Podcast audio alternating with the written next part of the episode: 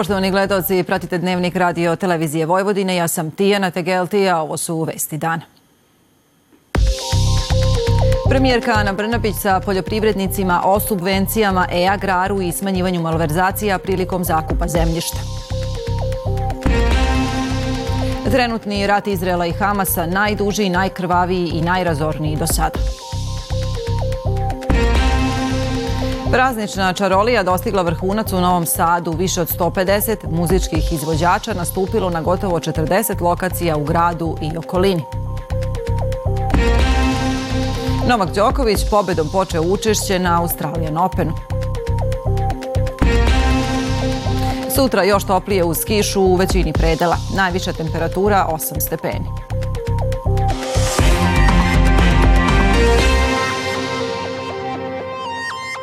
Vladi Srbije sastali su se premijerka Ana Brnabić i predstavnici više udruženja poljoprivrednika. Postignut je dogovor da resorno ministarstvo uradi predlog izjave o obrađivanju zemljišta koji će sačekati formiranje nove vlade Srbije, kao i da će vlasnici parcela na kojima poljoprivrednici obrađuju zemljište biti u obavezi da potpišu ugovor sa poljoprivrednicima kako bi se zloupotrebe svele na minimum. Razgovaralo se i o platformi e-agrara, odlučeno je da će se sastanci u ovom formatu nastaviti. Uprkos obilju dokaza Priština ne odustaje od podgrevanja lažnog narativa o navodnom masakru u Račku 15. januara 1999. godine, rekao je sekretar Ministarstva odbrane Nemenja Starović. On je uči obeležavanja 25 godina od policijske akcije u selu Račak rekao da je nepotrebno da se radi o jednoj velikoj obmani koja je poslužila da se opravda NATO agresija na SR Jugoslaviju koja je usledila. Tog 15. januara 1999. godine u selu Račak došlo je do oružanog sukoba između srpske policije i takozvane oslobodilačke vojske Kosova, prilikom kojeg je ubijeno 45 njenih članova. U danima koji su usledili, pre svega delovanjem Vilijama Vokera, tadašnjeg šefa verifikacione misije OEPS-a, kreiran je narativ o navodnom masakru civila – Danas, toliko godina kasnije, mi imamo obilje dokaze koje govore upravo o prilog činjenici da se radi o jednoj velikoj obmani, a možda najznačajnije jesu navodi iz autobiografske knjige gospođe Helene Rante, šefice finskog tima patologa, koja svedoči devet godina nakon Račka o tome pod kakvim pritiscima je bila ne samo od strane Vilijama Vokera, već i od sobstvenog finskog ministarstva spoljnih poslova. Starović dodaje da se narativi kreirani 90. godina i dalje s vremena na vreme podgrevaju od strane Prištine. Naravno, dakle, da lokalno zainteresovani akteri poput privrednih institucija samoprve u Prištini čine sve što u njihovoj moći kako bi ih dodatno osnažnili. Ipak i sami su negde svesni koliko je priča o navodnom masakru u Račku na klimavim ili staklenim nogama i upravo zbog toga pokušavaju da taj crni narativ i lažni narativ svakako osnaže merima, merama pravosudne ili pravosudno-policijske represije. Svako ko želi da sazna istinu danas ima mogućnosti za to, podvukao je Starović, izrazivši nadu da će u godinama koje slede svedočenja i drugih neposrednih aktera doprineti da se neosporno utvrdi da je Račak bio jedna od najvećih medijskih manipulacija i obmana 90. godina koja je imala tragične posledice. Specijalni predstavnik Evropske unije za dijalog Beograda i Prištine Miroslav Lajčak sastaće se na marginama Svetskog ekonomskog foruma u Davosu odvojeno sa predsednikom Srbije Aleksandrom Vučićem i premijerom privremenih prištinskih institucija Albinom Kurtijem. To je za RTV potvrdio port parol Evropske spoljnopolitičke službe Peter Stano. On je dodao da će Lajčak učestvovati na ovogodišnjem Svetskom ekonomskom forumu koji počinje sutra i jasno precizirao da neće biti trojnog sastanka, već samo odvojenih susreta. Stano je poručio da je Brisel jedino mesto za sastanke u okviru dijaloga na najvišem političkom nivou. Dan uoči izvaničnog početka ekonomskog foruma u Davosu je održan sastanak sa ciljem da obezbedi što širu podršku ukrajinskom mirovnom planu. Sastanak je okupio 120 savjetnika za nacionalnu bezbednost. Kijevsku delegaciju predvodi šef kabineta predsednika Zelenskog Andrej Jermaka. Ovaj četvrti susret mogao bi da bude uvod u početak primene plana za koji se Kijev nada da će početi u februaru. O miru i na Bliskom istoku ipak i danas, 100 dana od početka rata Izrela i Hamasa, samo se govori. Vazdušni udari i ofanziva izraelskih trupa su nastavljeni, a Tel Aviv ponavlja da se neće zaustaviti do pobede u Gazi. Put do pobede i to se vidi na svakom koraku poplačan razaranjem i izgubljenim životima. Broj mrtvih u Gazi prešao je 24.000 i tu nažalost neće biti stavljena tačka. Sudbina Kaleda Abu Aveide, zato je sudbina mnogih palestinica. Njegova kuća pogođena je 22. novembra, a na mestu gde je bila crvenim slovima upisao je ispod ovih ruševina su deca Oman Abdullah Himaša. Prošlo je 100 dana rata u kojem mi je bombardovana kuća. Stradalo je 22 članova moje porodice, a troje dece ostalo je pod ruševinama. Dolazim ovde svaki dan. Želeo bih da ih izvučem, ali u Gazi nema sredstava za to. Rad za Šahinaz Bakra znači ko zna koje po redu preseljenja u potrazi za sigurnim utočištem. Znači duge redove za parče hleba i kilometre koje mora preći da stigne do pitke vode. Kaže da je u gradu Gazi, odakle dolazi, uništeno skoro 70% kuća i da ne zna da li će i kada moći da se vrati. Sto dana rata, selena sa jednog mesta na drugo. Ne znam gde su mi sinovi, braća, porodica. Nemam komunikaciju ni sa kim i u stalnoj smo potrazi za hranom i vodom. Situacija je teška i na drugoj palestinskoj teritoriji zapadnoj obali. Posla, života, budućnosti nema. I to potvrđuje i Mamon Sveiti, jedan od 150.000 radnika koji su pre rata imali dozvolu da rade u Izraelu. Poslednja tri meseca smo bez posla. Sedimo, igramo karti i spavamo. Ekonomska situacija je loša, bit će još gore. Mnogi su kupili auto, duguju bankama, a sve je odjednom zatvoreno. Odjednom je život stao iza porodice otetih Izraelaca. Danas, to dana od kako čekaju da se vrate, okupili su se u Tel Avivu na mestu koje sada zovu Trg Talaca. Među onima koji još drže Hamas je i čija sudbina nije poznata i porodica Bibas, majka, otac i dva sina. Ovo dete ovde se zove Gvir Bibas i želim da pitam bilo kog predsednika ili premijera šta ste uradili da ga vratite i šta možete da uradite da kod kuće sa porodicom proslavi svoj prvi rođendan. Na isto mesto kod Sata, koji od brojeva dana od kada je Hamas započeo napad, u subotu uveč okupilo se hiljade ljudi, zahtevajući od vlade da uradi sve što može da otete vrati kućama. Poziv da se taoci oslobode ponovio je danas i francuski predsednik Emmanuel Macron, no međunarodna diplomatija nije odmakla dalje od jalove retorike. Zahtev da se hitno prekinu ratna dejstva ponovljen je toliko puta. Danas su ga uputile hiljade okupljenih u Vašingtonu, ali ni njihove glasove, kao i mnoge pre, nema ko da čuje. A u Srbiji, Nišu konkretno, je predstavljena digitalna platforma Srpska vojnička groblja i memorijali iz oslobodilačkih ratova od 1912. do 1920. Platforma omogućava svim zainteresovanim da pronađu grobove svojih predaha stradalih u Velikom ratu i u Balkanskim ratovima. Podaci o stradalima u ratovima od 1912. do 1920. godine nikada nisu precizno utvrđeni i nisu konačni. Kreću se od milijoni 200 pa do milijoni 400 hiljada ljudi. Samo na Solunskom frontu poginulo je oko 9000 vojnika koji su sahranjivani iza linije fronta samo sa osnovnim podacima na spomeniku. Digitalna platforma bi trebalo da omogući potomcima da saznaju gde su stradali njihovi preci. Ideja je bila da se ovaj, omogući svim ljudima koji imaju internet ili neki pametni telefon da mogu sa tog telefona da ukucaju neke podataka ime prezime i iz toga mogu da dobiju podatke o svojim precima.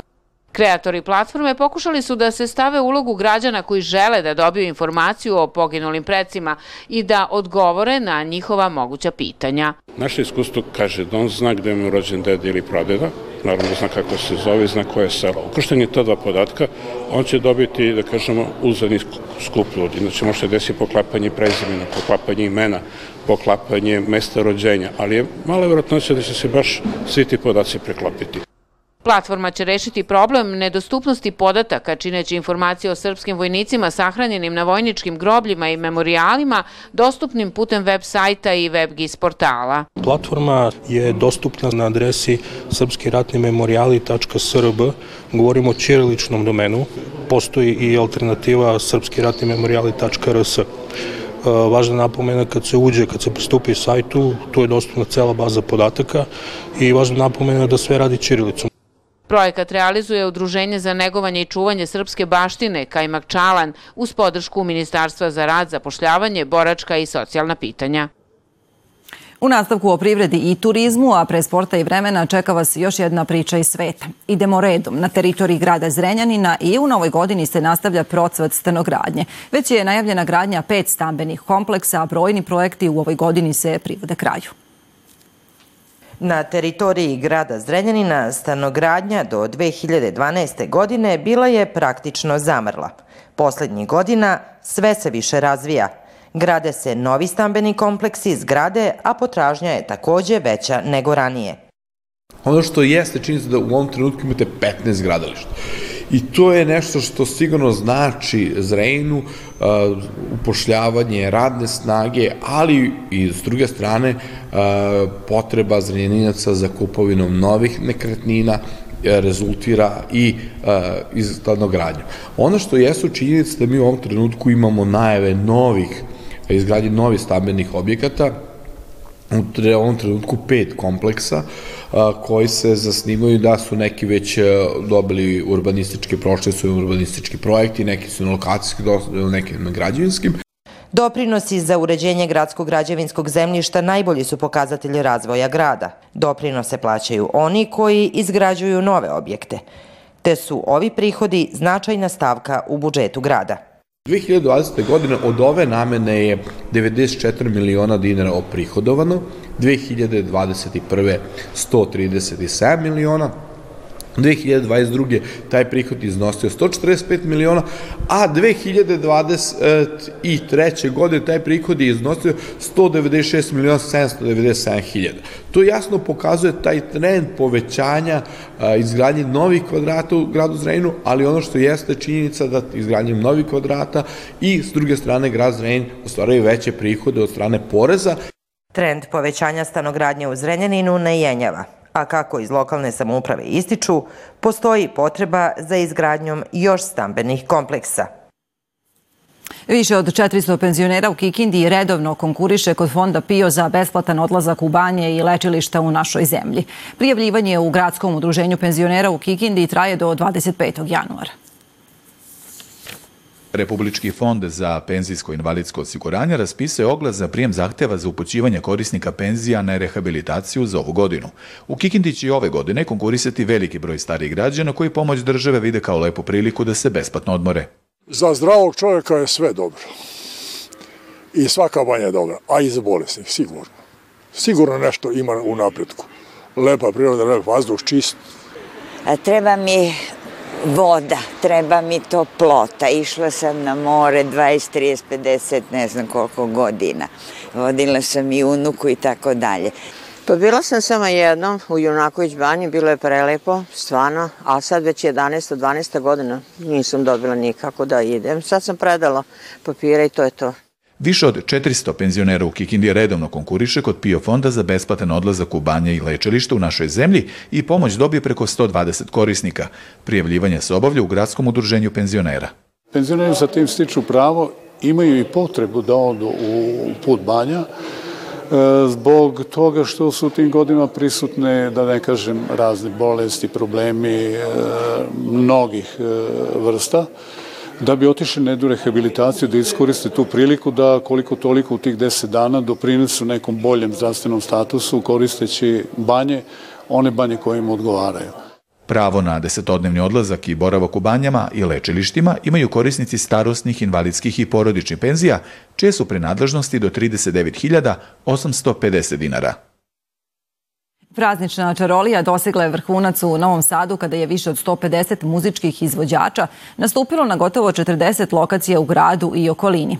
Umetničkim programom svečano je obeležen doček nove godine po julijanskom kalendaru, a tradicionalna proslava u organizaciji fondacije Novi Sad, Evropska prestonica kulture, na koncertne podijume dovela je vrhunske muzičare svetske i domaće scene. Jedna od najboljih muzičarki sveta i kraljica harfe, kako je nazivaju, Catherine Finch, nastupila je na rasprodatom koncertu u gradskoj kući, a mesto više tražilo se i za nastup francuskog umetnika koji je promenio istoriju harmonike Rišara Galijana. Veoma sam srećan što opet sviram ovde. U Novom Sadu sam bio pre nekoliko godina sa svojim kvintetom, a sad nastupam sam. Za mene je solo nastup na neki način sloboda, a sviram svoje autorske kompozicije i improvizacije. Kurzikanski muški vokalni sastav Afileta, za koji se smatra da je jedan od najboljih na svetu, pevao je u kulturnoj stanici Svilara. Le chant Specifična je ova vrsta pevanja, ali ne vezuje se samo za Korziku, već i za druge zemlje. Reč je o troglasnom pevanju gde se glasovi dele na tenor, bas i tercu i u pitanju je polifonija koja nema specifičan ritam.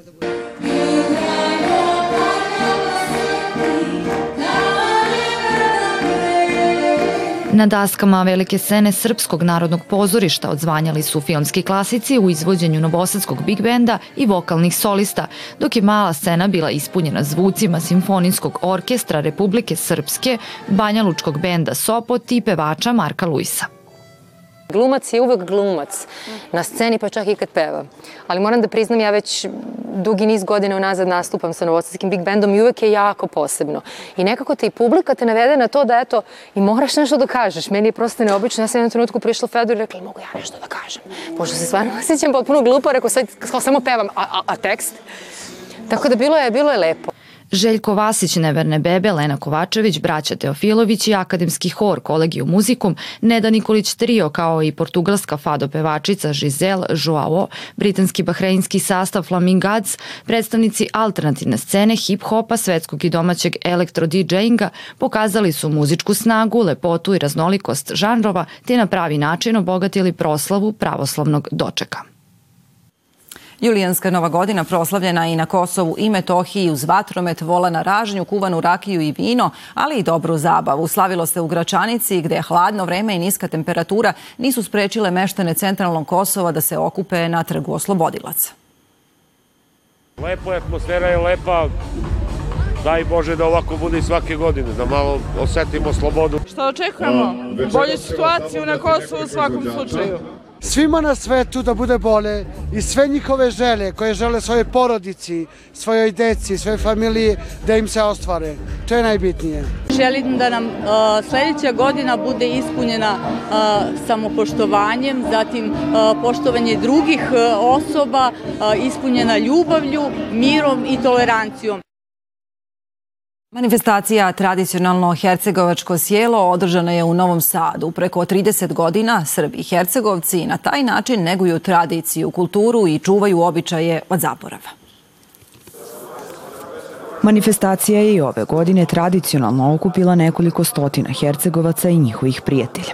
Hercegovačko sjelo organizuje se 32. put, a u skladu sa običajima obeležena je slava udruženja Sveti Vasilije Veliki kao i pravoslavna Nova godina dovodimo na ovo svečanosti svoje prijatelje, da vide neke naše običaje, da vide kakve se pjesme i igre igraju.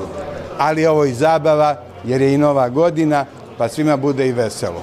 Ovde ima da se probaju i hercegovački specialiteti, i sira iz mešine ili mijeha, kako ga zovu, Brojni prijatelji udruženja okupili su se kako bi podržali manifestaciju i učestvovali u tradicionalnom, edukativnom i zabavnom programu, u okviru kog su se svi prisutni osvrnuli na istoriju, značajne datume, ali i predstavili ciljeve za budućnost. Da se držite zajedno, da ste jedinstveni, jer vi ste stvarno jedinstveni primer da negujete i tradiciju, da negujete običaje, kulturu Hercegovaca, a ujedno sve to prenosite mlađim generacijama. Udruženje aktivno 34 godine vodi računa o svojim članovima, prijateljima i celokupnoj društvenoj zajednici, s obzirom na to da redovno organizuju dobrovoljna davanja krvi, prikupljaju donacije za građane kojima je pomoć neophodna i utiču na uključivanje i razvijanje brojnih grana, posebno obrazovanje.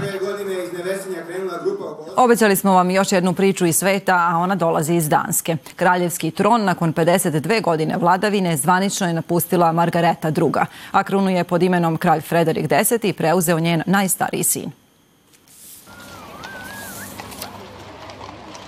Desetina hiljada ljudi na ulicama Kopenhagena izašlo je da zvanično isprate kraljevsku procesiju primopredaje vlasti. Uz danske zastave, pozdrave, svečanu gardu, članovi kraljevske porodice prodefilovali su ulicama do palate Kristijansborg, koja je i danas svedočila istoriji, proglašenju novog kralja. Pre nego što je Frederik X. preuzeo krunu, Margareta II. formalno je potpisala abdikaciju, a kako jedna od najstarijih monarhija na svetu nema zvaničnu krunitbu, novog vladara sa balkona palate, koja je sedište parlamenta, proglasila je premijerka Mete Frederiksen uz aplauz i ovacije hiljade prisutnih. Kraljevska porodica u Danskoj uživa veliko poverenje javnosti i to je u mnogome zasluga upravo Margarete II. Ona je reformisala financije kraljevske porodice ukinuši apanaže svima osim prestolonasledniku. Radila je mnogo da krunu približi javnosti, bila veliki mecena umetnosti, vrsna slikarka, koreograf, scenograf, ilustrator, uživala u arheologiji, cigaretama i bila pre svega vrsni diplomata i najbolji mogući predstavnik Danske.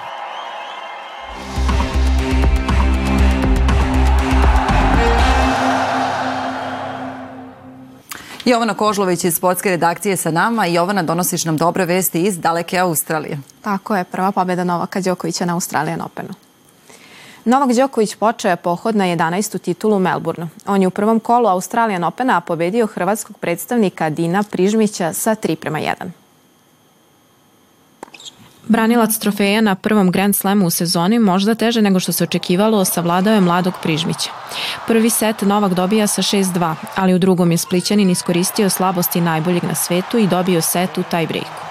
U nastavku neverovatna predstava na Rod Laver areni, brejkovi na obe strane i veliki broj Đokovićevih neiznuđenih grešaka, ali ipak Srbin osvaja treći set sa 6 prema 3. Krenuo je Novak silovito u četvrtom setu, imao vođstvo od 4-0, ali onda je usledio pad. Hrvatski teniser uspeo je da odbrani šest meč lopti, ali ne i sedmu, pa desetostruki osvajač trofeja u Melbourneu prolazi u drugo kolo.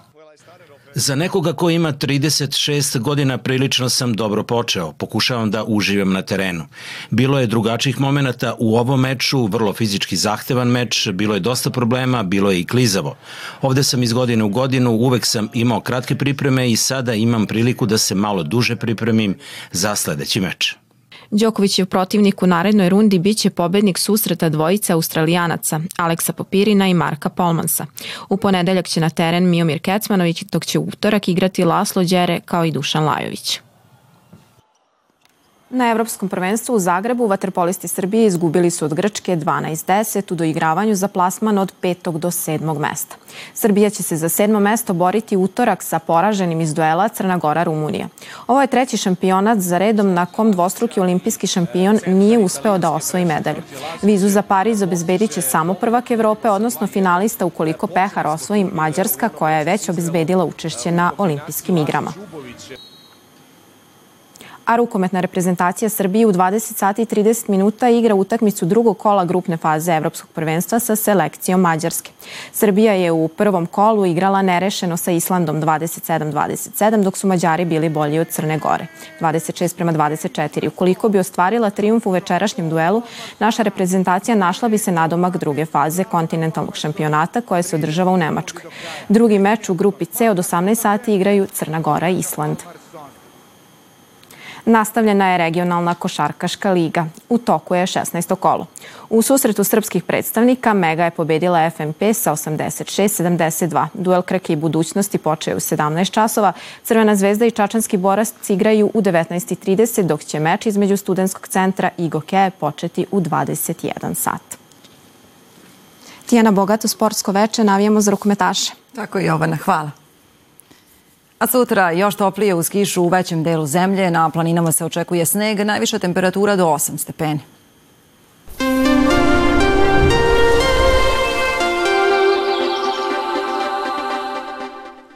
Sutra nekoliko stepeni toplije i pretežno oblačno u slabu kišu, najpre na severu i jugozapadu Srbije, dok će na planinama provejavati sneg. Jutarnja temperatura od minus 9 stepeni do 1 stepen, tokom dana od 3. do 8. podeljka. Duvaće umerena košava. Uveče je moguća kiša, a na severu Vojvodine susnežica. Utorak malo hladnije, u pokrajini razvedravanje, a u ostalim krajevima zemlje oblačno sa kišom, susnežicom i snegom. Najviša temperatura 5 stepeni. Prema najavama meteorologa, od sredine nedelje još toplije, ali uz kišu u većini predela, dok se za vikend ponovo očekuju snežne padavine. Toliko u dnevniku. Hvala vam na pažnji.